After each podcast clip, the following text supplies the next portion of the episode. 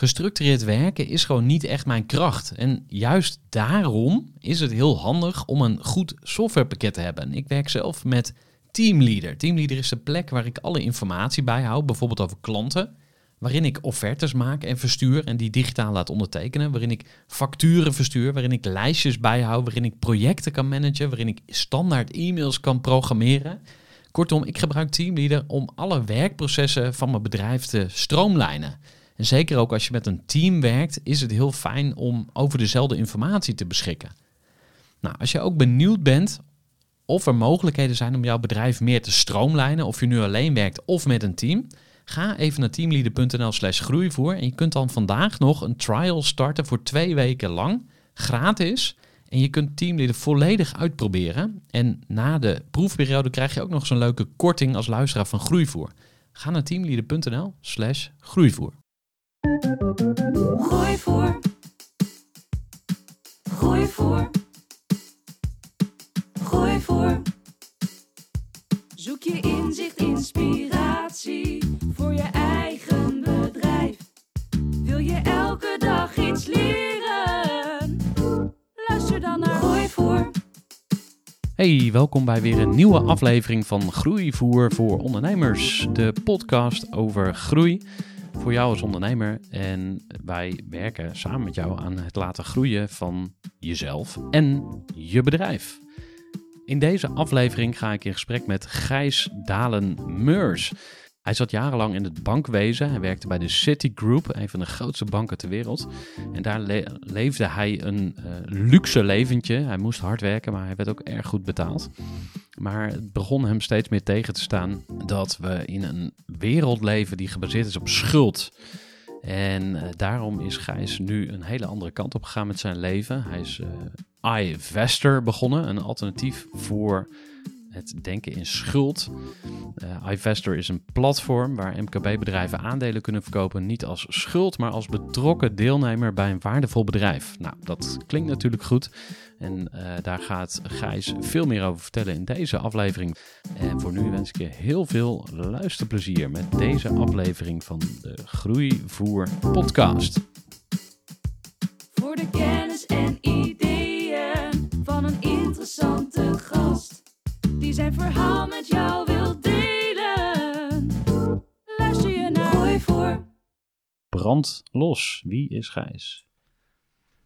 Ehm Gijs is, Ingewikkelde vraag. eh, ja, dat is het Grote wel. Vraag, Maar, ik ja. weet dat je me telkens begint. Ja. Ehm, eh, wie is Gijs? Gijs is eh, eh, bijna 50. Ehm, opgegroeid hier in het Gooi, eh Beeldhoven en Bussum. En eh, heel kort gezegd heb ik gewoon tot mijn 40ste een prima cocoon-leventje geleefd. Eh, en vervolgens is er toch een bepaald bewustzijn bij me opgetreden.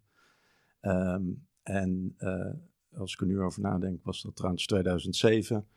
Dus toen was ik 37. Ehm, en vanaf eh, 2009 ben ik me ook heel erg gaan kijken naar het financieel systeem. Hmm. En hoe dat in elkaar zit. Ja. En dat heeft uiteindelijk ook geleid dat ik vanuit het bankier zijn, wat ik lang in Londen heb gedaan, ehm, bij een grote internationale bank, Mhm. eigenlijk op een gegeven moment dacht dat ik daaruit moest. En in 2012 eh, letterlijk met de hond door de sneeuw liep. eh, en een beetje met mijn handen in het haar van hoe kom ik uit mijn gouden kooi. Mhm. En eh, drie, vier maanden later denk ik nu wel eens dat de kosmos luisterde. En toen heb ik afscheid genomen bij de bank. Ja, en, En- dat was de Citibank. Dat was Citigroup, Want ja. dat is een hele grote, eh, dat is een van de grootste op de, eh, op de planeet, toch? Eh, ja, ja dat, is, bank. dat is we- wereldwijd en internationaal gezien toch wel een van de grootste banken. Ja. Vooral ook op het betalings- en securities en funds gebeuren. Dus, dus het bewaren van aandelen en obligatiestukken. Daar, daar, daar spelen zij een, een, echt een hele major rol in. En Mhm. Dat is ook waar 2007 mij geraakt heeft. Want ik had in augustus 2006 een huis gekocht in België. Dat deed ik met een lekkere Nederlandse hypotheek. Ja. eh, aflossingsvrij. En ehm, eh, zes maanden later wist ik dat ik de kostenkoper, die wel wat hoger liggen eh, in België dan in Nederland, dat ik die niet zo snel terug ging krijgen. Ja. En daar kwam vervolgens bij dat Citigroup zelf met zijn aandelen van 50 naar 1 dollar ging. En het feit dat zij niet een Lehman zijn geworden, is denk ik vanwege het globale impact en de globale rol die ze spelen.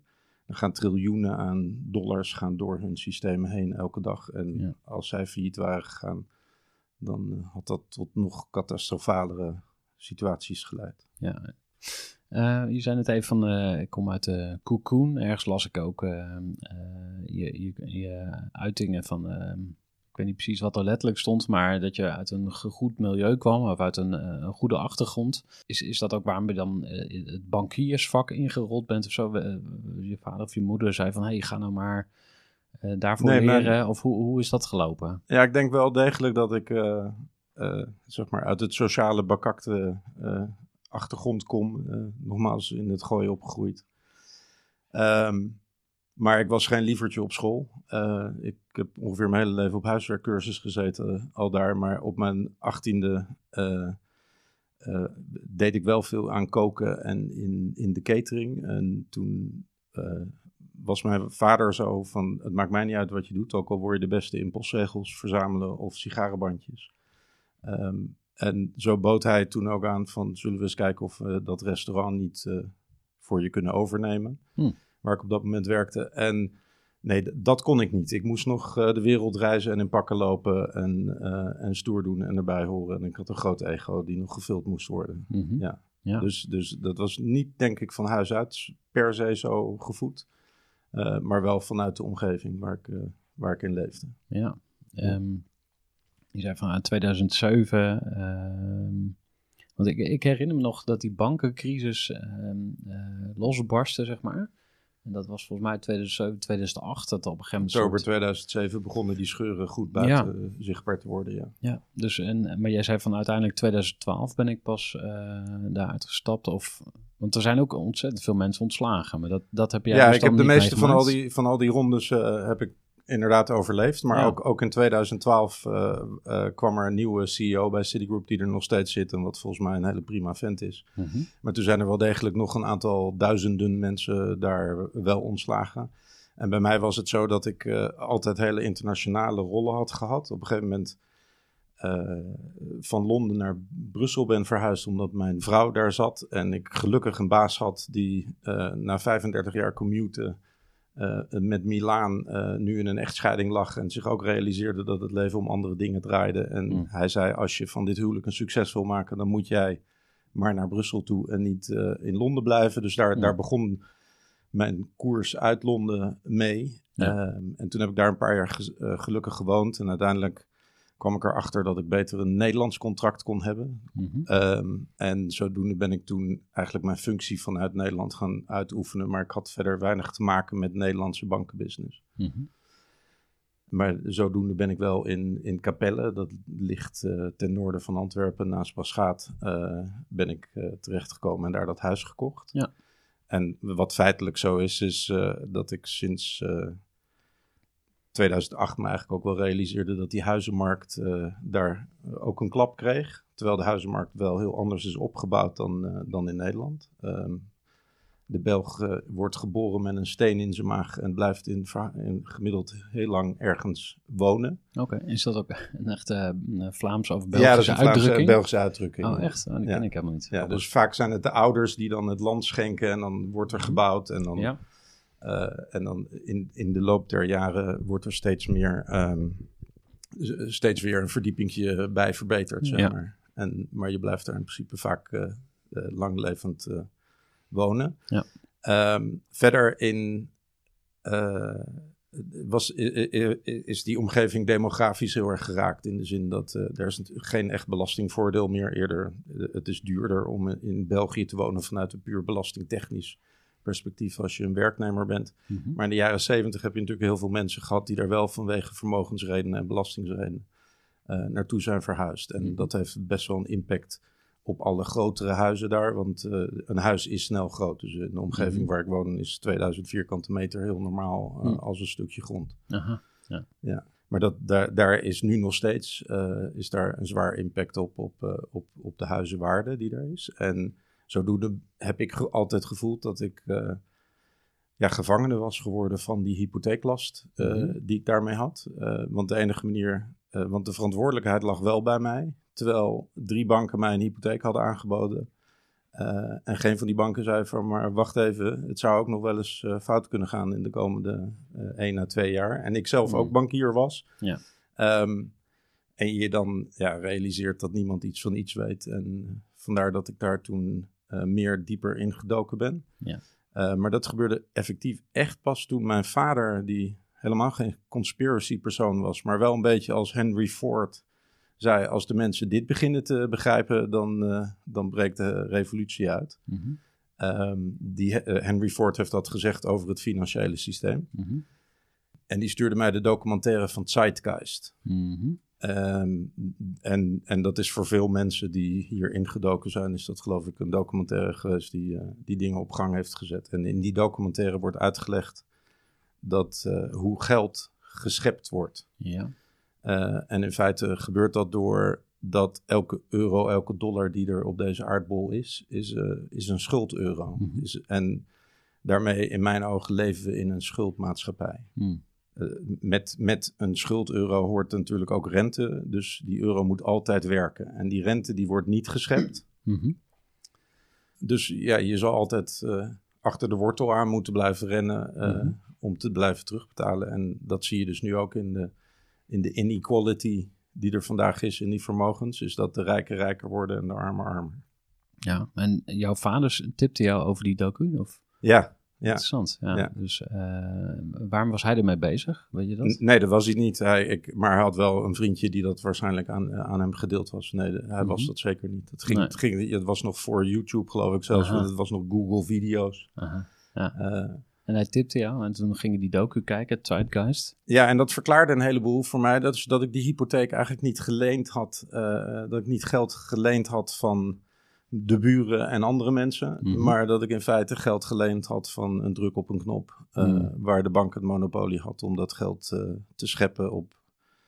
Ja, daar, daar, kwam het op neer. Nou, wat, wat ik eh, zelf heb, als, ik, eh, als, als mensen mij eh, eh, eh, gaan uitleggen hoe monetair stelsel in elkaar zit, dan haak Ja. ik ook naar drie zinnen af. Ja, dat is ook heel moeilijk. Ehm, Ja, terwijl het dus wel iets bazaals is, wat echt van invloed is op, op, op, op ons allen en op het Ja. gedrag van de politiek en het gedrag van bedrijven enzovoort. ja, ja. Ja, dus, dus en toch heb ik de missie gesteld dat ik daar iets aan wou veranderen. Daar is Moneymaker ook uit geboren. ja. Echt vanuit het doel om meer eh, via speelse educatie mensen het gevoel te geven eh, wat voor een invloed dat heeft op de economie en de maatschappij. Ja. Eh, en in Moneymaker speel je in de gouden eeuw, want dat is echt een geweldige periode. waaruit dit alles eigenlijk voortkomt, van het aandeel tot en met fractioneel reservebankieren. Waar, waar, want eh, de 150 jaar dat, eh, dat, dat wij de Gouden Eeuw mogen noemen, is echt ook. Is, is, eh, iedereen denkt dat, het- dat dat echt met de VOC te maken heeft. Maar eigenlijk was het veel meer de Amsterdamse wisselbank. De naam zegt het al. Je wisselde goud in en kreeg daar een kredietnota voor terug. Maar dat was echt volledig full reserve. Dus, dus, dus, en dat heeft 150 jaar lang eigenlijk heeft dat, heeft dat zo goed stand gehouden. En daarmee was de gulden in feite ook echt de wereldmunt. Mhm. Een full reserve. Ja, full reserve betekent gewoon dat jij die, die, die, euro, die gulden weer kan inwisselen voor wat goud. Dus dat, dat ze kunnen aantonen dat dat goud en die, Ja. eh, dat, eh, dat, of goud of zilver, maar in ieder geval dat dat dus echt eh, in voorraad bij hun ligt en dat Ja. dat inwisselbaar is. En kijk, vandaag de dag leven we dus in dat fractioneel reservebankieren, waarop de, de banken eh, lage ratio's eh, in feite hoeven aan te houden van iets wat, wat er dan zou zijn. Als een bank eenmaal een euro heeft die ze op hun balans kunnen nemen, dan kunnen ze dat eh, vervolgens weer tien keer meer kunnen ze daar eh, weer nieuw geld opscheppen, zeg maar. Ja. En vandaar ook dat je dus het depositogarantiestelsel wat er is, Mhm. waar je tot 100.000 euro van je rekening verzekerd krijgt. Die fondsen zijn er in feite helemaal niet eh, om, om, om die garantie eh, eh, te geven. Mhm. Maar dat is gewoon om de- omdat er dus niet genoeg geld is om terug te betalen als er als iedereen zijn bankrekening. dat heet dus ook niet voor niets een bankrun. Ja, ja, Eh nou, die zitten allemaal in het spel verwerkt. Ja. En, en in Moneymaker ben je een bank, Mhm. een bankier, die Aha. meedraait in de economie. En het bordspel is in feite de Amsterdamse grachten, Mhm. die weer de credit rating van die bank aangeven. Dus ja. ben je volledig goed eh, eh, in, in, je credit, dan, eh, dan zit je zeg maar aan de keizersgracht. En, Ja. hey, en wa- wanneer, ehm, want even terug naar jouw, jouw levensloop, zeg maar. In 2012 eh, stapte je eigenlijk uit de bankenwereld, zeg ik het dan goed? Ja, nee, ik, ik- het- het- long story short, ik zat bij een, eh, een, een afdeling die we een jaar daarvoor hadden opgericht. Eh, ik was daar verantwoordelijk voor eh, de uitrol naar Europa. In feite boden we daar aan andere banken aan om zeg maar hun hele activiteiten te insourcen. Zodat zij vooral de front-end en de front-label waren. En wij alles aan de achterkant voor hun regelden en administreerden en uitvoeren. Mhm. Ehm, en, maar het systeem wat we gekocht hadden was een Engels systeem. Eh, en mijn baas, eh, die, had, eh, die zag de bui denk ik al hangen. En die had besloten dat hij ergens anders een CEO-rol kon krijgen bij een kleinere Engelse speler. En drie, vier maanden later moest ik de conclusie brengen dat dit platform nog lang niet de komende drie, vier jaar beschikbaar was voor Hm. internationale uitrol. En toen was er een kans voor mij om nog naar Londen te gaan. Mhm. Eh, maar dat moest ik dan weer allemaal op eigen kosten eh, enzovoort doen. Want dat, dat zat ook niet meer in de bank vroeger. Mm. Verhuisde je met je netto salaris mee en werden je verhuiskosten enzovoort betaald. Ja. Maar ik had natuurlijk ook, nog, ook daar weer dat huis eh, waar ik niet zomaar vanaf kon. Hmm. En, en zelfs de, dat verhuren de hypotheekkosten niet per se zou dekken. Mhm. En geen intentie eigenlijk ook om naar Engeland te gaan. Dus toen hebben de bank en ik afscheid genomen. Mhm. En ehm, initieel ben ik begonnen om toen eh, samen met een ander vriendje eh, die ik vanuit Capelle kende, eh, een investment management platform te bouwen. Mhm. Ehm, maar de- na een half jaar beide besloten dat we onze wegen weer beter konden scheiden. Slaande ruzie gehad. Nee, nee, helemaal niet. Hij is nog steeds eh, in ieder geval mijn, betere vriend daar. Maar wel eh, dat hij vanuit andere financiële positie zat en mij echt als de redder zag die het commercieel ging neerzetten. Terwijl ik vond dat het een auto was die nog een uitlaat miste en een, eh, en een spiegel en eigenlijk niet klaar was voor de weg. Ja. En daar, dat we daar langer aan moesten bouwen. En hij had daar de adem niet voor. En, de- Hm. en daar kwam het in feite op neer. Ja. Toen ben ik wel een cursus op Nijrode gaan doen. Die heet de Private Investor Program. Hm. En dat was eigenlijk omdat ik beter wou begrijpen... hoe komt iemand nou tot zijn investeringsbeslissing? Eh, en dat is wat, eh, wat, wat, wat die cursus daar eh, gaf. Ja. En ik had nog een huisje in Vinkveen. Oké. En dat huis in Vinkveen had ik omdat mijn kantoor in, naar Schiphol was verhuisd. En ik zodoende, wat, eh, ja, Capelle, Schiphol was toch anderhalf uur rijden elke keer. En vaak in de file. Eh, en, maar ik reisde ook ontiegelijk veel. Dus ik moest ook heel veel ochtenden heel vroeg op Schiphol zijn eh, Ja. vanwege het reizen. Welk kantoor, by the way? Van de bank? Of, Van, eh, van Citigroup was dat Ja, nog. oké, dat, nee, dus precies, dus, ja. dus Ja. dat was zeg maar van eh 2010 tot, 2000, tot en met 2012, zeg maar. mhm. Ja. En, ehm, maar ik had dat huisje ge- eh, gekocht en dat was eigenlijk een beetje ook een stille droom die ik had gehad. Eh, mijn opa woonde vroeger aan de Reewijkse Plassen en eh, daar had ik veel nostalgische mooie momenten mee. Ja. Dus ik, toen ik bij City wegging, wou ik dat huis nog niet kwijt zozeer. Mhm. En toen ben ik dat huis gaan verhuren via Airbnb. Ja. Ehm, en, Staat ook op je LinkedIn, Airbnb host. Ja. Dus, Ja, superhost tegenwoordig. zelfs. oh, kijk. Ja. Maar ehm, waar het op neerkwam eh, was eh, dat...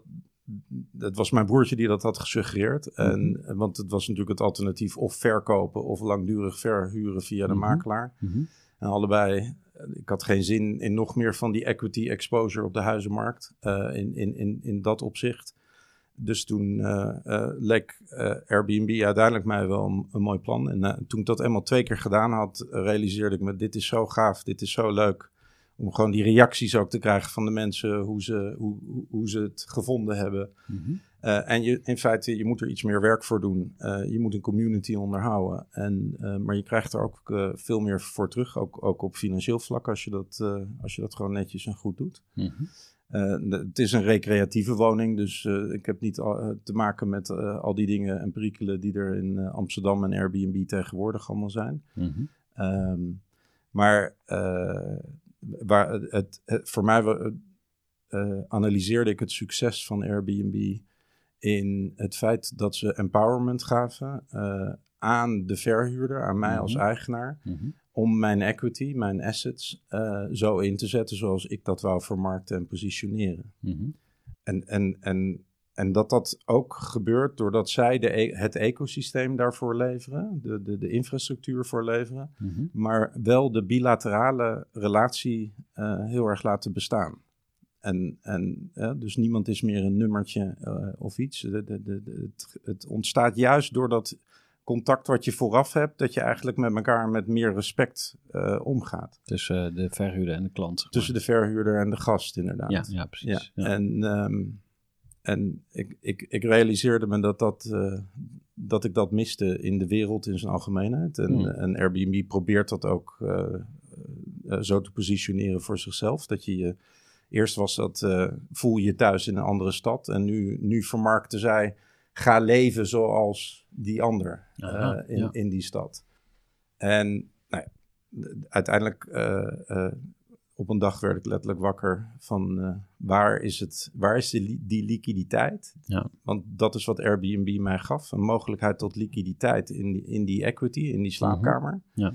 Waar is diezelfde liquiditeit eigenlijk in niet beursgenoteerde aandelen? Mhm. Dat was de initiële vraag die ik daarin zag. Maar vandaag de dag is de missie echt om, om van die schuldmaatschappij naar een aandeelmaatschappij te gaan. Omdat Mhm. ik het instrument aandeel dus ook echt veel meer zie als een, als een geweldig instrument om mensen te betrekken, te verbinden.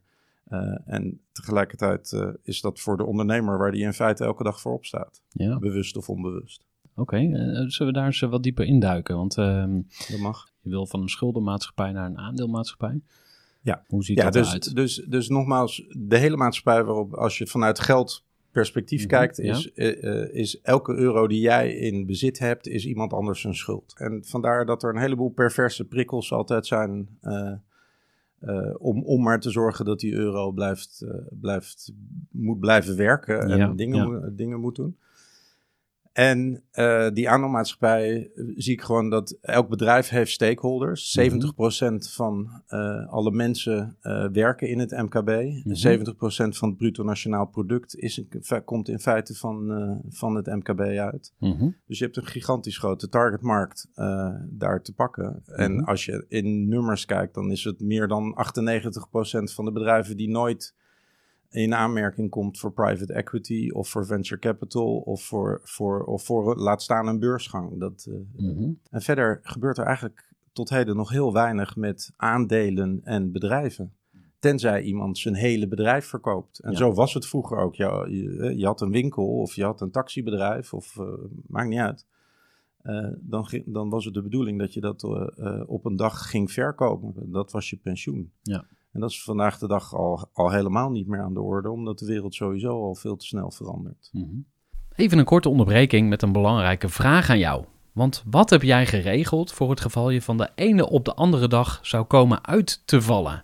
Wat gebeurt er dan met je bedrijf, maar vooral wat gebeurt er met jou persoonlijk en ook in financieel opzicht? Samen met ASR voerde ik drie openhartige gesprekken over tegenslag en veerkracht. En dat deed ik met Saskia, Vincent en Pieter. Ondernemers met een bloeiend bedrijf die van de ene op de andere dag niet meer konden werken. En die verhalen hoor je in aflevering 256, 257 en 258 van deze podcast. Als ondernemer wil je natuurlijk niet uitvallen. En daarom is het belangrijk dat je veerkrachtig bent, want voorkomen is beter dan genezen. En als het dan toch misgaat, is het fijn dat je iets geregeld hebt, zodat je weer snel door kunt met ondernemen. Wil je weten hoe veerkrachtig jij nu bent? Vul dan in twee minuten de veerkrachttest van ASR in. Ga naar asr.nl slash veerkrachttest ondernemers. Daar zie je trouwens nu ook een hele mooie tegenbeweging in. Misschien niet om nu direct over in te gaan, maar ehm, is een nieuwe beweging die heet eh, steward ownership. Dus daar wordt er echt gekeken van, van, van de hoeder van het bedrijf. En er zijn bedrijven als Zeiss en Canon en Rolex en zo. Die zijn op zich op die manier gestructureerd. Dus het, het eigendom ligt in de stichting. Mhm. Maar je hebt nog steeds mensen die wel eigenaar kunnen zijn doordat ze dividend of waardegroei kunnen meemaken. Mhm. Uh, maar het effectieve besturen van die organisatie, die is er enkel op gericht dat die eeuwigdurend kan zijn. En Ja. dat is wat een bedrijf, een company, ook Ja. zou moeten zijn. Ja. Ja. Ja. En het gemiddelde bedrijf, levensduur van een bedrijf is in de loop der jaren naar, ik geloof gemiddeld maar 12 jaar ge- Ja. gekomen nu. Ja, interessant. En eh, zou, zou iedereen dan aandeelhouder moeten zijn van het bedrijf waar die werkt, bijvoorbeeld? Of hoe... ehm, wat, Ja, eh, Het- voor, voor mij is dat mijn, mijn visie. Eh, Ja.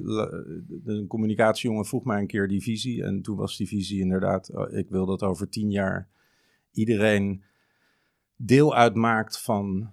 eh, ik, zie, ik zie het aandeel als een nieuwe vorm van brand identity. Eh, eh, je, je, je bent een mede-eigenaar van een, van een restaurant. Dus ga je ook in dat restaurant eten. Even vanuitgaande dat Ja. dat eh, sowieso nog steeds een van je favoriete plekken is. Ja. Ik zie dat jij een merk eh, eh, trainers, schimschoenen aan hebt. Mhm. Ik heb deze sinds een paar weken en dat zijn Comrades. Ja? En die zijn van appelleer gemaakt. Dus Mhm. appelpulp waar ze leer van maken. Aha. En de, de, de, de, de, de, de veters zijn van gerecyclede fle- flesjes gemaakt. En de, de zolen van gerecyclede banden. Hm. En ik denk dat dat veel meer de identiteit wordt. En hoe gaaf zou het dus ook zijn om daar gewoon een aandeel van te kunnen hebben. eh, Ja. en, en het op die manier te zitten promoten. Ik zit het nu al te promoten Heb, als fan. heb je aandelen? Of kan je dan... Nee, ik heb dat nu niet. Niet, Zou bij dit, kunnen? niet bij dit merk, maar ik, ik heb het ze wel voorgesteld Ja. eh, om dat op ons platform te doen. Ja.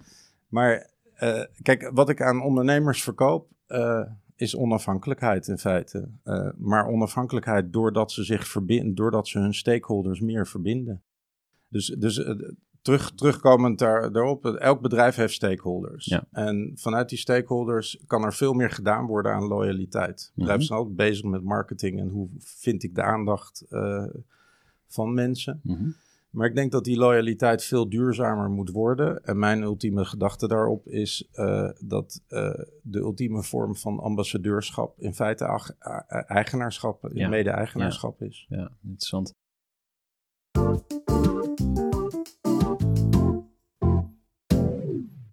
We hebben het eh, over ehm, eh, allerlei best wel abstracte begrippen. In ieder geval voor mij als eh, zeg maar leek zijnde op, op het gebied van eh, fintech. En ik ben ook geen kenner van de bankenwereld. Maar kunnen we eens wat concreter worden? Een voorbeeld geven voor bijvoorbeeld een MKB-ondernemer. Dus stel je bent restauranthouder. Ja. Je hebt een restaurant en je wil klant worden bij iVestor. Kan dat? Ja, dat kan. En, En- dan? In, in feite kan elk bedrijf klant bij ons worden. Ehm, Mhm. En dat begint eh, in, in de simpelste vorm bij het, digitale, het digitaliseren van je aandeelhoudersregister. Dus als jij ooit een BV zou hebben opgericht, dan weet je dat je daar een multimap voor krijgt en daar zit jouw aandeelhoudersregister in. En dan ben je bij de notaris geweest en daar ben- je langs moeten gaan. En daar heb je allemaal ingewikkelde dingen moeten doen Ah, en over dingen ja. moeten beslissen waar je later zeker de tekst niet volledig van begrijpt als je eenmaal die statuten en akten doorgelezen hebt. Maar om terug te komen op je restaurantvraag, dan hebben we hier in Utrecht denk ik eh, al, alvast één heel mooi voorbeeld. En dat was ook de eerste partij die in feite ook eh, wat wij noemen een sharefunding campagne heeft gedaan. Dus die Mhm. heeft 300.000 euro opgehaald. Eh, daarmee, als ik het goed heb, 40% van zijn restaurant in feite eh, verkocht. Al Mhm. voordat hij open ging. En dat is Wok op Vredeburg in Utrecht. Sinds vorig jaar open, recht tegenover Tivoli. Ja. En ehm, ja, dat, dat, de- die, heeft aan, die heeft daarmee 150 eh, aandeelhouders gekregen. En op die manier een stuk van zijn kapitaal en zijn investering direct al teruggekregen. eh, wetende dat hij daarvoor later het dividend moet gaan delen met die mensen. Ja. En dat hij ze juist moet kunnen betrekken eh, daarbij. Dus als eh, leek zeg ik dan maar even, dat, dat klinkt gewoon als crowdfunding. Ja. Maar, het is meer dan dat. Voor mij is crowdfunding. Ten eerste is crowdfunding natuurlijk voor het grootste deel is, is leningen. Mhm. Ehm, zelf ben ik niet zo'n fan van leningen en, en start-ups. Ehm, Kan je dat uitleggen? nou ja, eh, eh, een, als start-up, en dat weet ik zelf ook, eh, gaat het nooit zoals je gepland hebt. En Mhm. natuurlijk als je gewoon dozen gaat verschuiven of, of, of iets bestaans een rol, een distributierol speelt of zo, dan is dat wat anders. Dan is dat wat beter door te rekenen. Ja. Maar ja, heel vaak lopen de trajecten niet zoals je ze initieel gepland hebt. Mhm. En, ehm, en als je dan op een gegeven moment geld moet gaan terugbetalen. En dat raakt je heel hard in je cashflow. Terwijl de basis van je business best goed loopt. Dan heb je gewoon een probleem. Ja. En dat gebeurt gewoon heel vaak. En dat gebeurt al minder doordat je al. eh, De, de meeste crowdfunding acties hebben zeg maar 30, 40 procent van hun geld al soort van georganiseerd dat dat Mhm. binnen gaat komen. Ja. Nou, dat doe je dus met je friends, family en fans of fools. Ja, Ja. precies.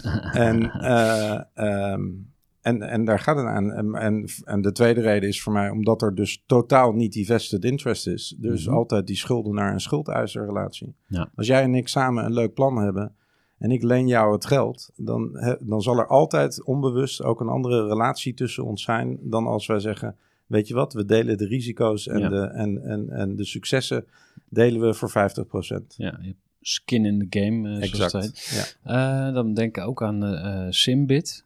Ja. Ja, waarschijnlijk wel. Is dat dan vergelijkbaar met jullie ook? Of is dat... Nou, toen ik, toen, ik, toen ik met mijn idee onderzoek ging doen, Mhm. eh, eh, de, de tier 1 bankenwereld en crowdfunding is een hele wereld apart. Mhm. Eh, eh, ehm, eh, toen, toen stuitte ik wel snel op, op, op partijen als Simbit, inderdaad. Mhm, ja. Ehm, Maar ook daar zag ik nog steeds dat het niet. eh, eh, daar ging het nog steeds te veel over eh, eh, eh, procesfinanciering, projectfinanciering in feite.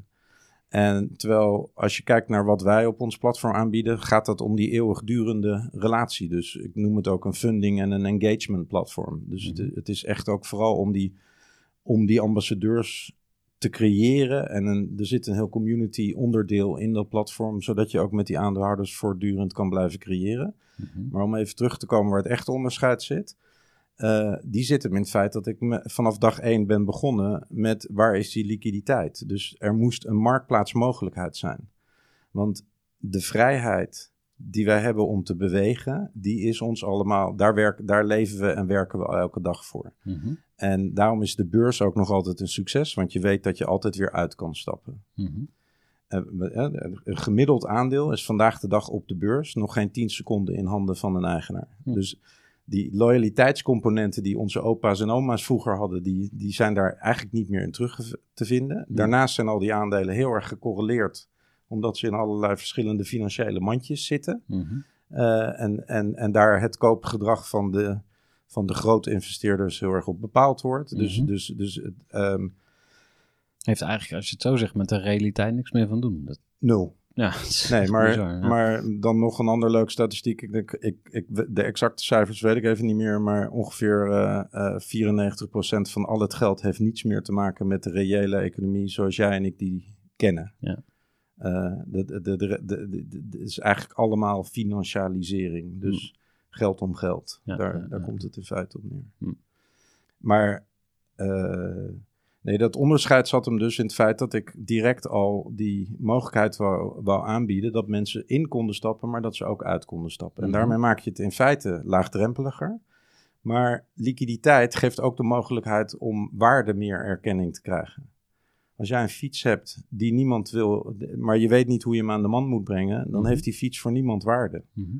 Eh, terwijl als er een marktplaats is waar die fiets aangeboden kan worden en de koper weet ook dat hij daar naartoe kan als hij een fiets wil kopen, Mhm. dan krijg je veel sneller en beter waardeerkenning. En dat zie je ook met beursgenoteerde bedrijven, zelfs meer dan private equity gefunde bedrijven. Mhm. De ratio waarop zij per aandeel een waardering erkenning krijgen, die ligt altijd hoger. Mhm. eh, voor beursgenoteerde bedrijven dan voor niet beursgenoteerde bedrijven. Dus, dus, eh, dus die laagdrempeligheid die, die daarmee ontstaat, die, die was altijd heel belangrijk voor mij. En omdat dat zo belangrijk was, moest ik me in feite dus ook bezig gaan houden met de hele levenscyclus van dat aandeel. Mhm. En van dat kapitaal en die aandeelhouders. Mhm. En dat is wat mijn platform doet. Dus het is echt heel, gaat heel veel meer dieper dan, eh, dan, dan, dan dat je publiceert dat je funding wil ophalen en vervolgens zegt je mag er pas uitstappen als wij beslissen dat, je, eh, dat wij gaan uitstappen. Mhm. Ja. Want dat is eigenlijk hoe de equity propositie eh, op crowdfunding meestal is. Oké. Ehm, wat, wat is jouw eh, eh, ultieme toekomstdroom? je hebt het natuurlijk Mijn eh, ultieme toekomst? missie. Ja, het kortst gezegd is dat van die schuldmaatschappij naar die aandeelmaatschappij. Dus Mhm. dat, dat mensen meer geïnvesteerd zijn bij elkaar eh, en op de juiste manier. Maar is dat dan eerlijkere samenleving of zo? Zit, dat, is, Dat- zit dat- daar ook nog een soort drijfveer achter? Ja, ja, van, ja.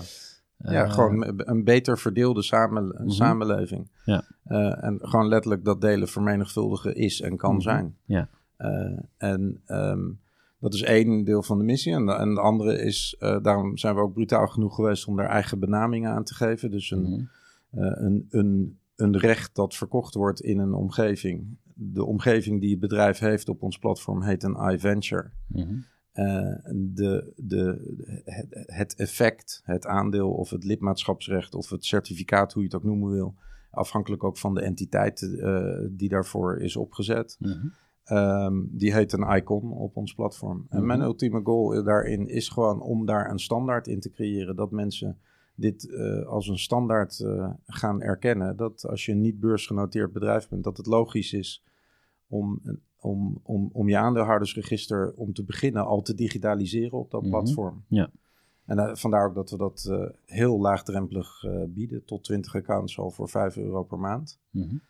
En ook ons hele businessmodel is gericht op waarde toevoeging Mhm. en op het aantal accounts. Want in feite is dus elke account die je hebt eh, en, en iemand die daar een positie in heeft, Mhm. ja, dan is het aan jou en is het eh, om van die persoon niet alleen een aandeelhouder te maken, maar ook eh, een, vlogger of een, Ja. een, een influencer of Ja, een precies. Ambassadeur op welke Ja. manier. Ja. Ehm, de, de start-up coöperatie, ken je die, ken je die club? De, nee, de coöperatie-expert, Ik, ik, ik zat hier met ehm, Mark Wesseling. eh, Mark Wesselink inderdaad. En eh, die had bij de Startup Bootcamp gezeten, zes jaar. En toen Ja. is hij daarna voor zichzelf begonnen. Ja. Eh, want jij kent hem.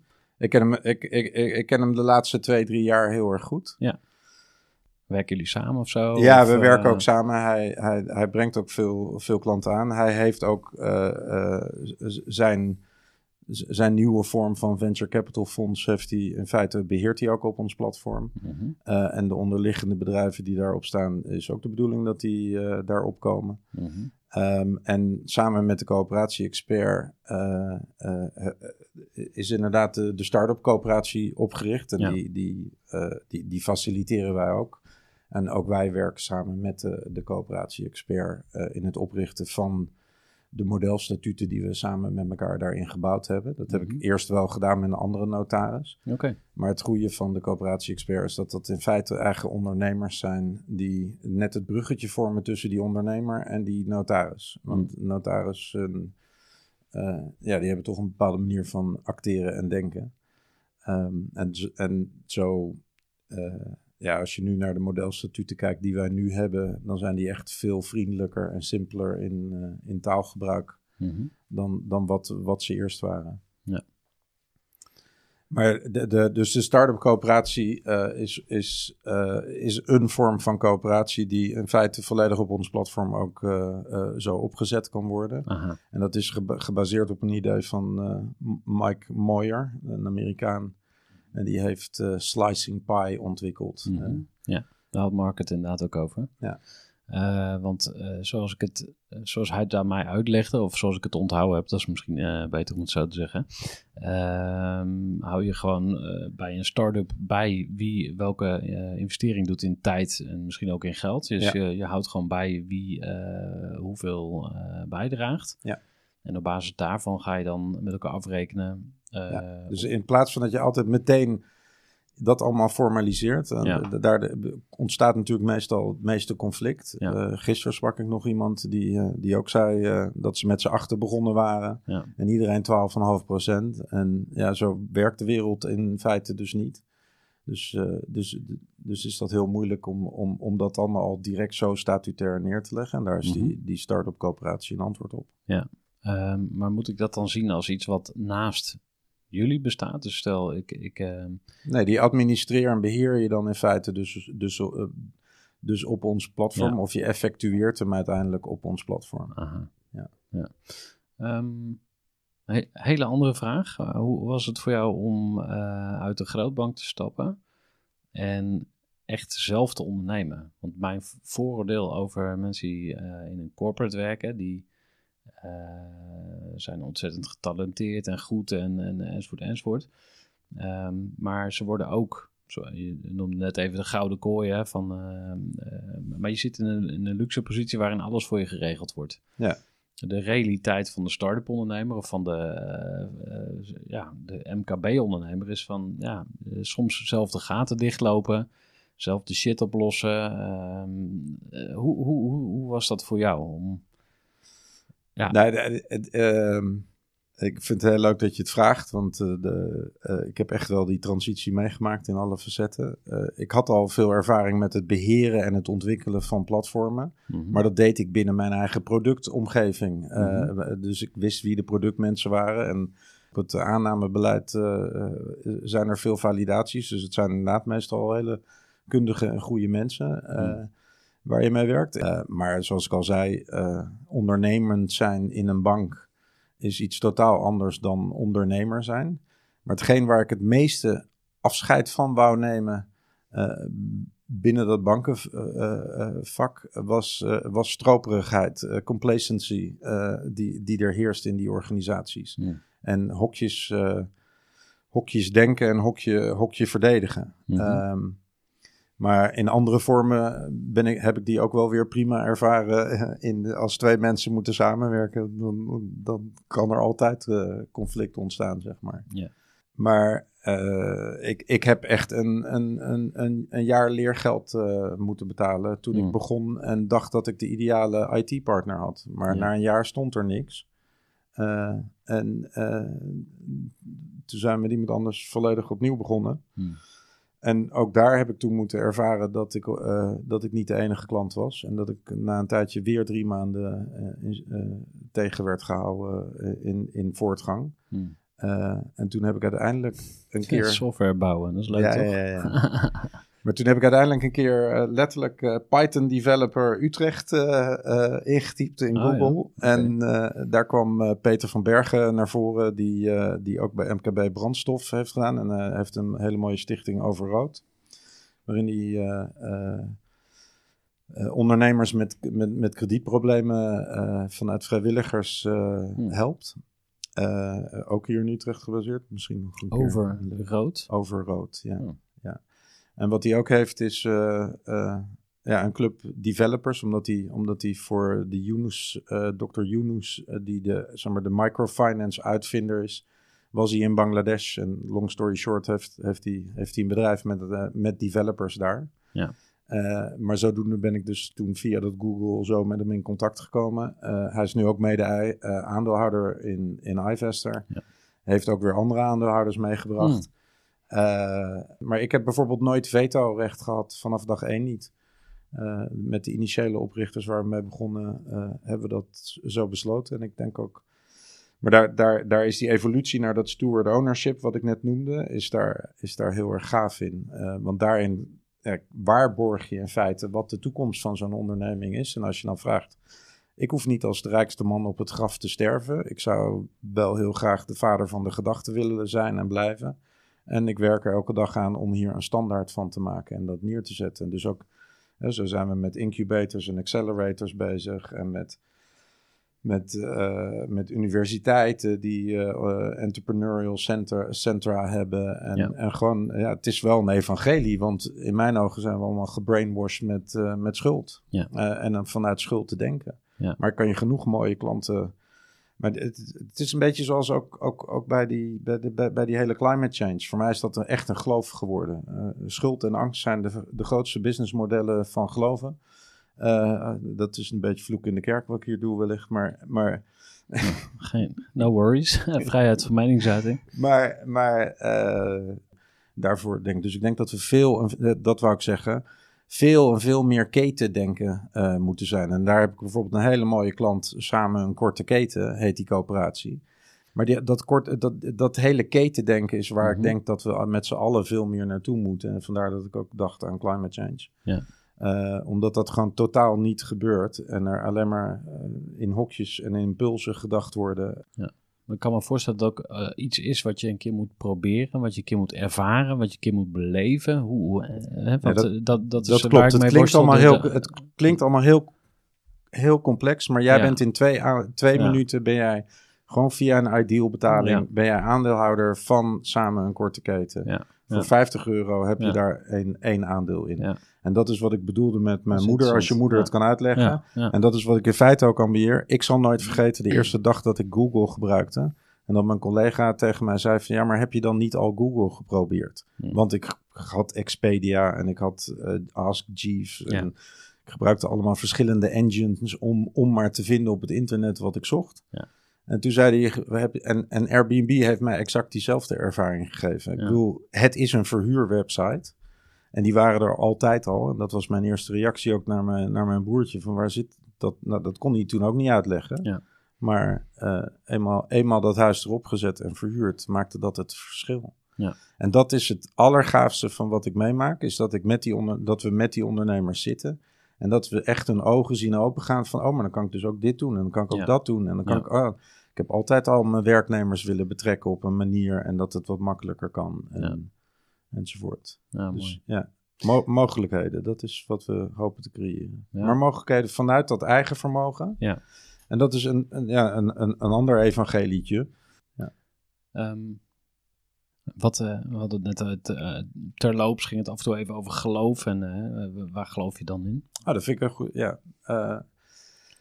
Ik vind dat alles bij zijn tijd hoort. En ik vind de evolutie van de mens daarin eh, geweldig mooi. Ehm, eh, wat voor mij een heel leuk boek daarin was, was eh, het boek Fantastisch van Christopher Burg. Hmm. Eh, een jonge een Nederlands jongen die ik een keer op Kunststof op de Radio 1 een keer hoorde. Die was 21 en die legde in feite uit de ontwikkeling van, van de bacterie tot, tot het menselijk brein en hoe dat dan functioneert. En, maar heel Darwinistisch.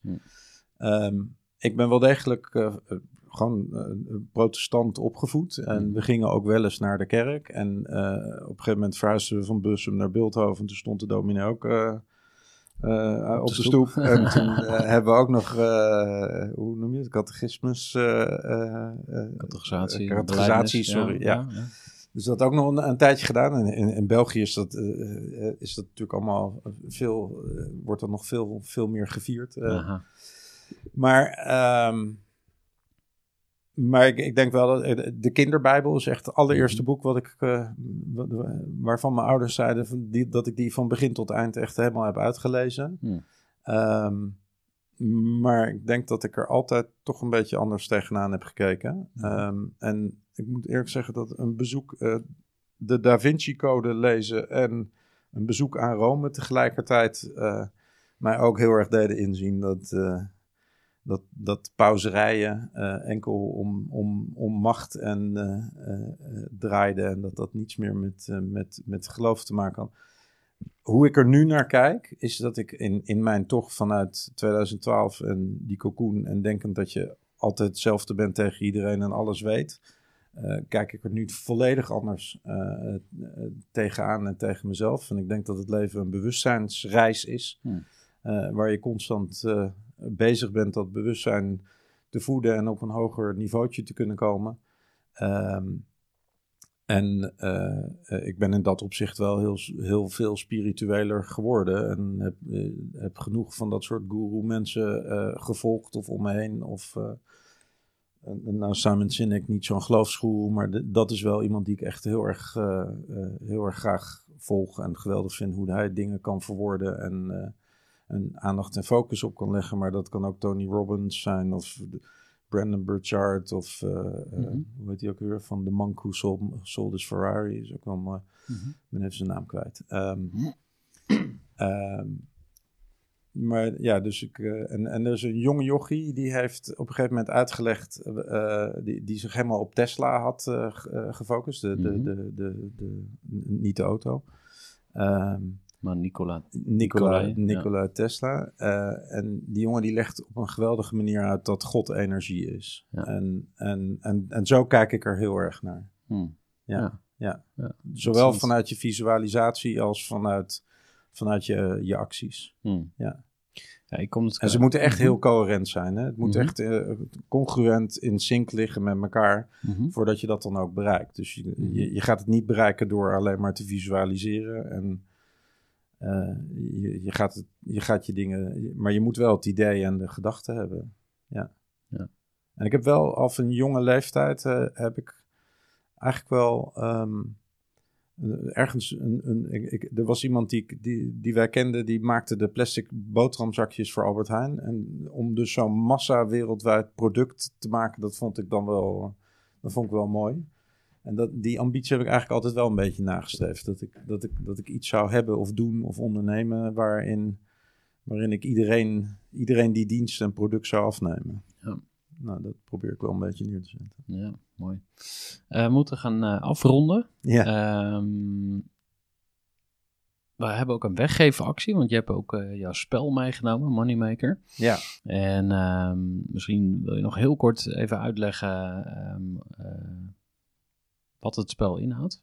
We mogen een exemplaar weggeven. Als je hem even wil aangeven, dan kunnen we hem nog even extra voor de camera houden ook. Eh, maar kan je eens vertellen hoe, ehm, hoe je er eigenlijk bij kwam om dit te gaan, eh, gaan maken? Want je wilde bewustzijn eigenlijk vergroten bij mensen over geld, denk ik. Ja. Ehm, en dan heb je vervolgens het maken van een spel. Dat eh, vind ik eigenlijk ook wel interessant. Van, ja. hoe pak je dat dan weer aan? Ehm, ja, dan komen we eigenlijk dus terecht bij Stichting Ons Geld. Ja. Stichting Ons Geld is opgericht door Luc de Waal Malefeit in, eh jaar weet ik even niet precies, 2012 denk ik. Mhm. Eh, maar hij was toen 1,22. eh was een, eh, met zijn scriptie aan het werk, maar die, die, die, die crisis die was uitgebroken en hij begreep er eigenlijk niks van. Want waar kwam die schuld dan vandaan en Ja. hoe zat dat dan in elkaar? Ja. En daar, daar vond hij allemaal weinig antwoorden op, totdat hij ook dat aha-moment had van hoe, hoe dat geld door die banken geschept wordt. Ja. En dat hij, eh, toen is hij overal gaan rondkijken eh, en hij kreeg overal nul op request en eh, heeft toen uiteindelijk Stichting Ons Geld opgericht.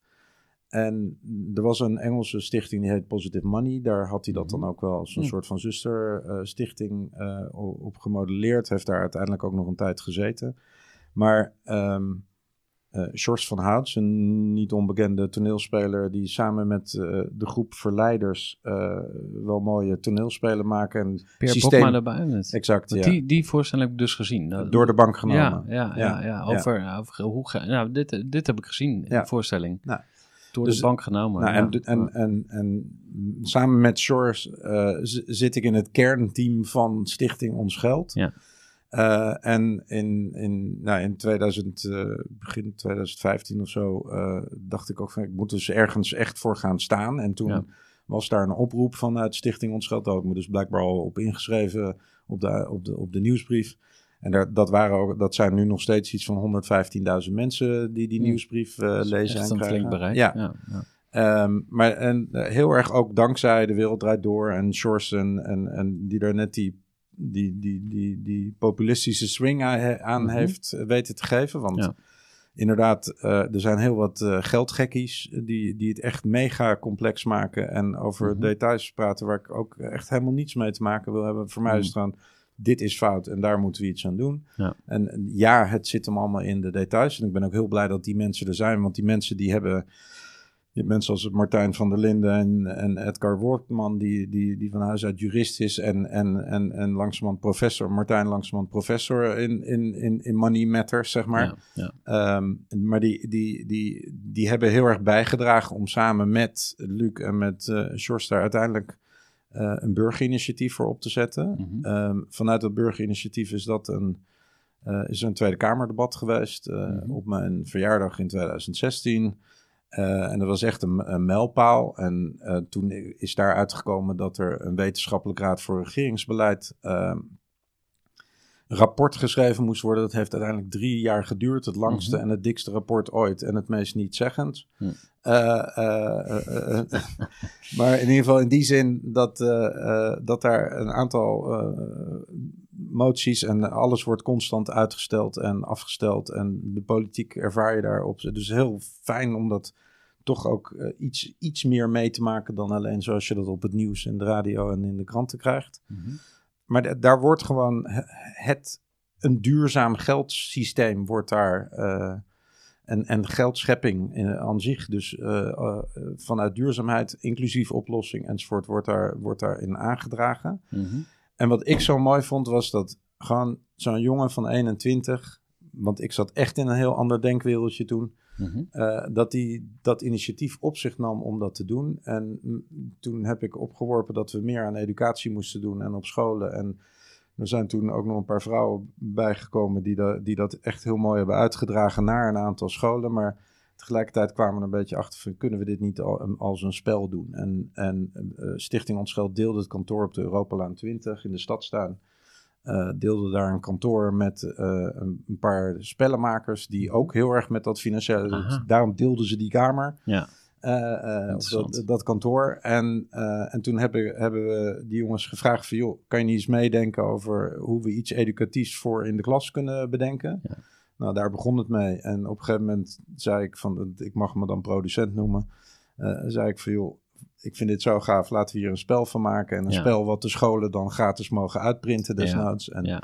nou, dat, is, dat is die eerste versie geworden. Daar hebben we er 3000 van verkocht in de, eh, eh, in, in, via die stichting Onscheldluis. Dus, dus, maar dit is echt een, ja, een heel compleet... We hebben er vervolgens dus twee jaar over gedaan om, dit, om, om naar de tweede versie te komen. Omdat we eh, absoluut niet onze doel hadden bereikt om dit spel in een uur te kunnen spelen. En zelf eh, ook in de handleiding enzovoort. Dus echt, zijn allemaal vakken apart. Ja. Eh, maar we hebben hem nu wel, hij bestaat nu in vier talen. In het Ja. Deens, Duits Oh. eh, en het Engels. En. Du- Duits, en, Duits en Deens is vanwege ja, zusterorganisaties van Stichting Ons Geld. Waar Ja. mensen ook zeiden van, nou, ik, ik wil dit ook graag in de markt brengen. En ja, en, en nogmaals, het is een echt een, echt, er komt alle emoties komen naar boven. Oh ja. Van gierigheid tot lachen, tot, eh, tot eh, ja, en er zit gewoon een heleboel, er zit zowel kansspel in als dat er dus economische evenementen gebeuren. eh, die ervoor zorgen dat de markt en de waarde omhoog en omlaag gaat. Of dat er inderdaad zo'n bankrun of een crisis uitbreekt. Ehm, en, maar op een hele speelse, laagdrempelige manier in feite. In een setting van de Gouden Eeuw Ja. van Amsterdam. Interessant, want ik, eh, wat, wat we gaan doen is we gaan hem weggeven eh, aan de luisteraars. Dus daar Ja. gaan we een winactie voor opzetten. En dan kunnen Leuk. mensen daarop reageren. Ehm, en het doet me ook denken aan een spel. Want ik heb, ik heb eh, vorig jaar ehm, eh, een bustour gedaan van Stichting Compassion. Dat is een, een stichting die... Een internationale stichting die al heel lang ehm sponsorkinderen faciliteert. Dus je kan zeg maar een kind dat in armoede is opgegroeid, kun je sponsoren. Dus dan Oh, wat betaal je 30, 35 euro per maand of zo. En dan krijg je ook echt een foto en, en, en eh, dat is een uniek persoon. Beetje als foster parents, maar dan ja, local. foster parents, ehm, heel vergelijkbaar. En eh, ze hadden een bustour waarbij we dus aan de slag gingen eh, om eigenlijk te ontdekken wat armoede is. En ehm, een van de eh, elementen van die dag was ook een spel. Nou, eigenlijk waar het op neerkwam, eh, eh, was ook dat, je, dat er geld aan je werd uitgeleend. En dan moest jij maar zorgen dat je de- je daar weer uit eh, wist te wurmen. Ja, ja, ja. En eh, nou, wij hadden natuurlijk altijd eh, de slimme dingen bedacht en allemaal heel bij de hand, want er zaten allemaal ondernemers in die bus en wij lulden ons overal wel uit. Maar daar ging het dus niet om. Het ging niet om dat je het spel ging winnen, maar het ging erom dat het kwartje viel van hey, mensen die in armoede leven en Ja. die gebukt gaan onder schulden, Ja. Die zijn gewoon fucked. Die Ja. zijn gewoon zwaar eh Maar zo is de het. sjaak, zeg maar. Ja. Ja, zo is het exact. En ga je daardoor geld bij te snappen? Als Ja, en, maar, en, en, en Wat leer je ervan? Dat is een betere vraag. Nou ja, de bedoeling is dus dat mensen het, het verschil tussen geld en krediet eh, eh, leren te begrijpen. En Want echt voelen ook. ja, kijk, men, men zegt dat de muntjes nu nog ons geld zijn. De muntjes en de briefjes, want die worden door de Nederlandse bank uitgegeven. Maar in feite eh, staat dat ook tegenover iets wat niet goud is. Eh, en is dat ook eigenlijk uit het niets gecreëerd. Dus in mijn ogen is gewoon 100% van al het geld is, is krediet en niet geld. En al helemaal niet zoals we het vroeger eh, ooit gekend hebben. Heb je overwogen om de politiek in te gaan? Nee, ik ben eigenlijk helemaal niet zo'n publiekstrekker. ehm, in de zin dat ik eh, echt wel een boodschap heb te verkondigen. Ja. Eh, maar eh, ik, ben, ik ben niet podiumgeld tot heden. Mhm. Ehm, en dus nee, ik heb nooit overwogen om de politiek in te gaan. Nee. Nee. Maar misschien dat ik me ooit nog zo druk maak. Ze hebben nu net in, in Antwerpen hebben ze net een lage emissiezone gebouwd. En eh, daar maak ik me echt gigantisch druk om. Hmm. Eh, want de Euronorm 4 auto's, die eh, mogen daardoor de stad in feite niet meer in zonder een boete te krijgen. En dat is echt gewoon puur en alleen maar geldklopperij. Kan je echt een lijst met 20 redenen geven van fijnstof of andere dingen waar dat dit echt helemaal nergens op slaat. Mhm.